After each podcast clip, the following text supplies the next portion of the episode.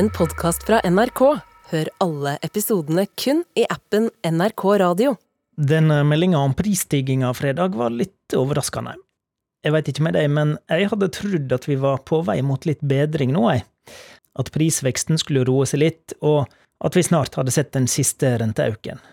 Men nei, 7% var prisveksten nå. Den går opp igjen. Var ikke det nettopp dette politikken skulle unngå, da? Dette roper på mer politikk, og iallfall på mer debatt.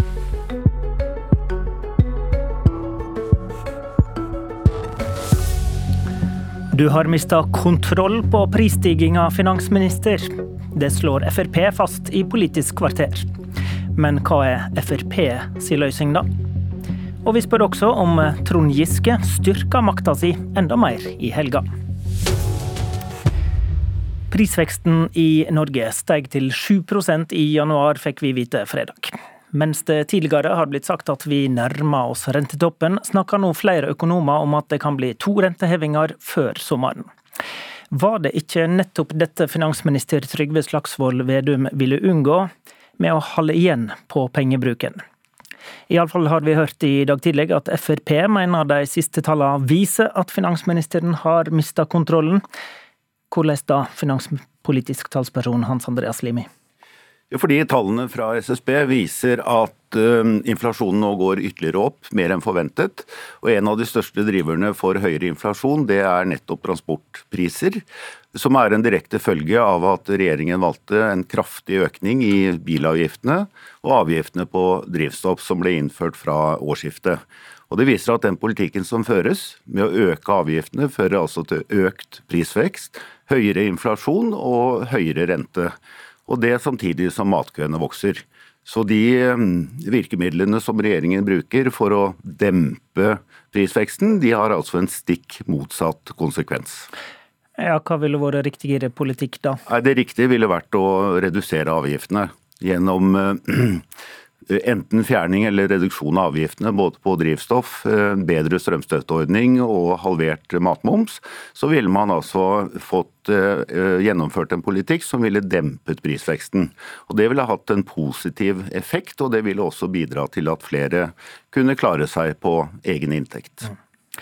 Finansminister og Senterpartileder Trygve Slagsvold Vedum, når vi ser disse prisstigningstallene, hvor vellykka mener du sjøl din politikk har vært da? Det viser hvor viktig det er å ta ansvar. For det høy prisvekst det rammer lommeboka til folk, det rammer sparepengene. Og i neste runde så kan det sette jobber i fare.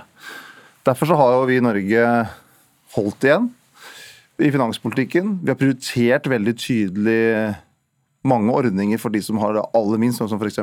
bostøtte, billigere SFO, lavere barnehagepris, lavere skatt for folk på vanlige inntekter, bedre pendlerfradrag for folk som må reise langt på jobb. Det er mange ting vi har prioritert tungt, men som sagt, vi må likevel prioritere. For hvis vi ikke gjør det, så kan vi oppleve det som vi ser i mange andre land, der prisveksten er mye høyere. Og så er det en del som har vært mye bedre i år enn det vi trodde når vi analyserte i fjor. Det har blitt over 100 000 flere jobber i privat sektor det siste året. Det er rekordmange folk i arbeid. Mange av bedriftene går godt. Men hvis ikke vi hadde holdt igjen, så hadde vi sagt til fagbevegelsen da er det dere som må holde mest, da er det deres jobb å holde igjen i lønnsoppgjøret. Eller vi har sagt til Norges Bank dere må holde igjen enda mer med å øke renta enda mer. Så når vi sitter med ansvar, jeg som finansminister eller Limi som finanspolitisk talsperson eh, i Stortinget, da må man si vi selvfølgelig skal også vi ta ansvar. og Det er det Senterpartiet og Arbeiderpartiet har gjort, og det er det Frp okay. ikke gjør. De ønsker å overføre alt ansvaret til Norges Bank med høyere rente eller til fagbevegelsen. Okay, et, et, et, lite øyeblikk, Vedum. Vi skal komme til deg, Limi Men, men nå på stikkordet rente, Vedum. Fordi nå tror ekspertene også på økt rente. Nå skal du få høre noen stemmer som har vært på lufta eh, siden fredag. Så det er i hvert fall ikke noe mindre sannsynlig at den varsla renteøkningen kommer i mars. Inflasjonstallene var sterkere enn forventa, og langt sterkere enn det sentralbanken hadde lagt til grunn. Før så trodde vi at Norges Bank kom til å heve renten til 3,25% i juni. Nå venter vi en rentetopp på 3,5% i juni. Utsagna her kom fra SSB, som la fram inflasjonsstatistikken, og så DNB og Nordea. Og, og, og, Du nevner jo nettopp dette målet om å unngå økt rentestigning. Hva er ditt grep nå da for å unngå at folk blir truffet av enda mer prisstigning og økt rente? Det er jo akkurat det som vi nå gjennomfører. at vi prioriterer tyngst de som har minst. Samtidig så må vi klare å holde igjen. For hvis vi ikke hadde holdt igjen, så hadde vi lagd ytterligere press på den jobben Norges Bank skal gjøre. Og Det er den store forskjellen fra Fremskrittspartiet, som ikke tar ansvar, og vi som tar ansvar. At de vil overføre alt ansvaret på Norges Bank og fagbevegelsen. For det er tre okay, ok, grupper sva- Svaret ditt er å fortsette å holde igjen. altså, å prioritere de som har minst. Og så er det det som Hans Andreas Limi sier om eh, avgifter, er jo feil. For Limi vet jo helt eh, opplagt at avgiften på drivstoff gikk jo ned 1.1., og avgiften på strøm gikk ned 1.1. Og hvis eh, Limi hadde lest SSB sine Limi. tall, så hadde de sagt at avgiftspolitikken ikke påvirka Det er Faktisk, det er jo faktisk feil, ærlig talt, finansminister. Altså, da må du lese dine egne tall, og så må du lese rapporten fra SSB som viser nettopp at de kraftige avgiftene, avgiftsøkningene på bil og på drivstoff ved årsskiftet har bidratt til å øke inflasjonen. Det er transportprisene som er en av de største driverne nå for høy inflasjon. Men men det som er eh, ganske utrolig når jeg hører finansministeren, det er at man skal fortsette å føre den politikken som de har ført, og som da altså bidrar til en eh, høy prisvekst, og som igjen legger grunnlaget for at eh, Norges Bank må, må øke renten. Vi vet at strømstøtteordningen slik den er etablert, bidrar til å dempe prisveksten. Det er også SSB ganske tydelig på. Hvis vi hadde forsterket strømstøtteordningen og redusert avgiftene istedenfor å øke dem, så ville vi altså fått en ytterligere demping på prisveksten, og det ville også hatt en modererende virkning på det lønnsoppgjøret vi snart skal inn i. Så der, ting henger sammen, og regjeringen kan altså bruke de virkemidlene man har i verktøykassen til å dempe både prisveksten og til å bidra til et moderat lønnsoppgjør, slik man forsøkte for et år siden. Ok, Det er mange momenter på en gang her, men la oss ta strømstøtteordninga, som Lime nevner. DN har skrevet at eh, nye strømstøttegrep fra regjeringa ikke er langt unna. Kommer dere med eh, noe som bedrer folks kjøpekraft der? Ja, vi har vært opptatt av fra dag én å gjøre grep på strøm. Det første vi Kommer det noe bedre? Ja, det kommer komme, vi kommer til å gjøre enda flere grep på strøm. og Noe av det første vi gjorde, var jo å halvere elavgiftene januar, februar og mars. og Redusere elavgiftene hele året. Fordi at Frp hadde nesten dobla, eller økt elavgiften med 50% i den perioden de styrte. Og så er det jo sånn, Når Limi ler litt, så er det kanskje fordi hun ikke har lest hele artikkelen. For det står avgiftsendringene har ikke påvirket KPI, for vi har redusert en del av de avgiftene på forbruk. Det står også avgiftsendringene trakk opp prisveksten for transport. Ja, Og så endra det jo på eh, strøm og energi, som det også står i samme artikkelen. Det som var på transport, det er at det er riktig at nye biler har blitt dyrere. Nye, dyre elbiler har blitt dyrere. Det har vi sagt. Og så har vi redusert avgiftene på drivstoff. Og Det er jo da en prioritering at vi mener at de som hadde råd til å kjøpe nye dyre biler, der kunne vi ha litt høyere avgifter. Men på bruk av bil har vi ikke De har vi Limi kjøpte ikke, de fleste Limi kjøpte ikke ny bil i januar. Nei, og det er en grunn til det, fordi um, nye biler har blitt gjennomgående veldig dyrere, uh, mye dyrere, og det er ikke bare elbilene, det er jo alle Men det er vel, biler det er vel ikke rammet. det som folk Nei, først og fremst men- blir truffet av når det gjelder prisvekst? Nybilsalget er nå historisk lavt, uh, men det er en grunn til det. ikke Men sant? er det det viktigste grepet fra Nei, Frp? men da? SSB viser jo at um, uh, avgiftene på transport har økt med over 12% det siste året. Så det er klart det bidrar til å, å presse inflasjonen opp. Og NAF har jo dokumentert at avgiftene på drivstoff også har gått opp. Så det viser bare at den politikken som regjeringen fører ved å øke avgiftene, bidrar til høyere priser, mens man alternativt kunne redusert og fjernet avgifter, så ville hatt en dempende effekt på prisutviklingen. og Det er det som er vårt budskap. og Finansministeren må øh, gjerne kalle det uansvarlig. Vi mener at det er Men- veldig ansvarlig men- å bidra til å hjelpe både bedriftene og vanlige norske familier gjennom en veldig kritisk dyrtid. hvis du senker eh, avgiftene for folk, da øker du jo kjøpekrafta. Er ikke det da fare for at etterspørnaden eh, øker, og folk bruker mer penger, og da stiger prisene enda mer? Blir enda mer Da har vi ikke noe etterspørselsbonanza i norsk økonomi. og, og Nei, men du kan jo skape den da, med din politikk. Men realiteten er jo at i løpet av fjoråret så fikk altså vanlige norske familier redusert kjøpekraften med rundt 20 000 kroner, til tross for at finansministeren lovte en forbedring på 15 000. Så det inndras eh, store beløp fra privat sektor og fra norske familier.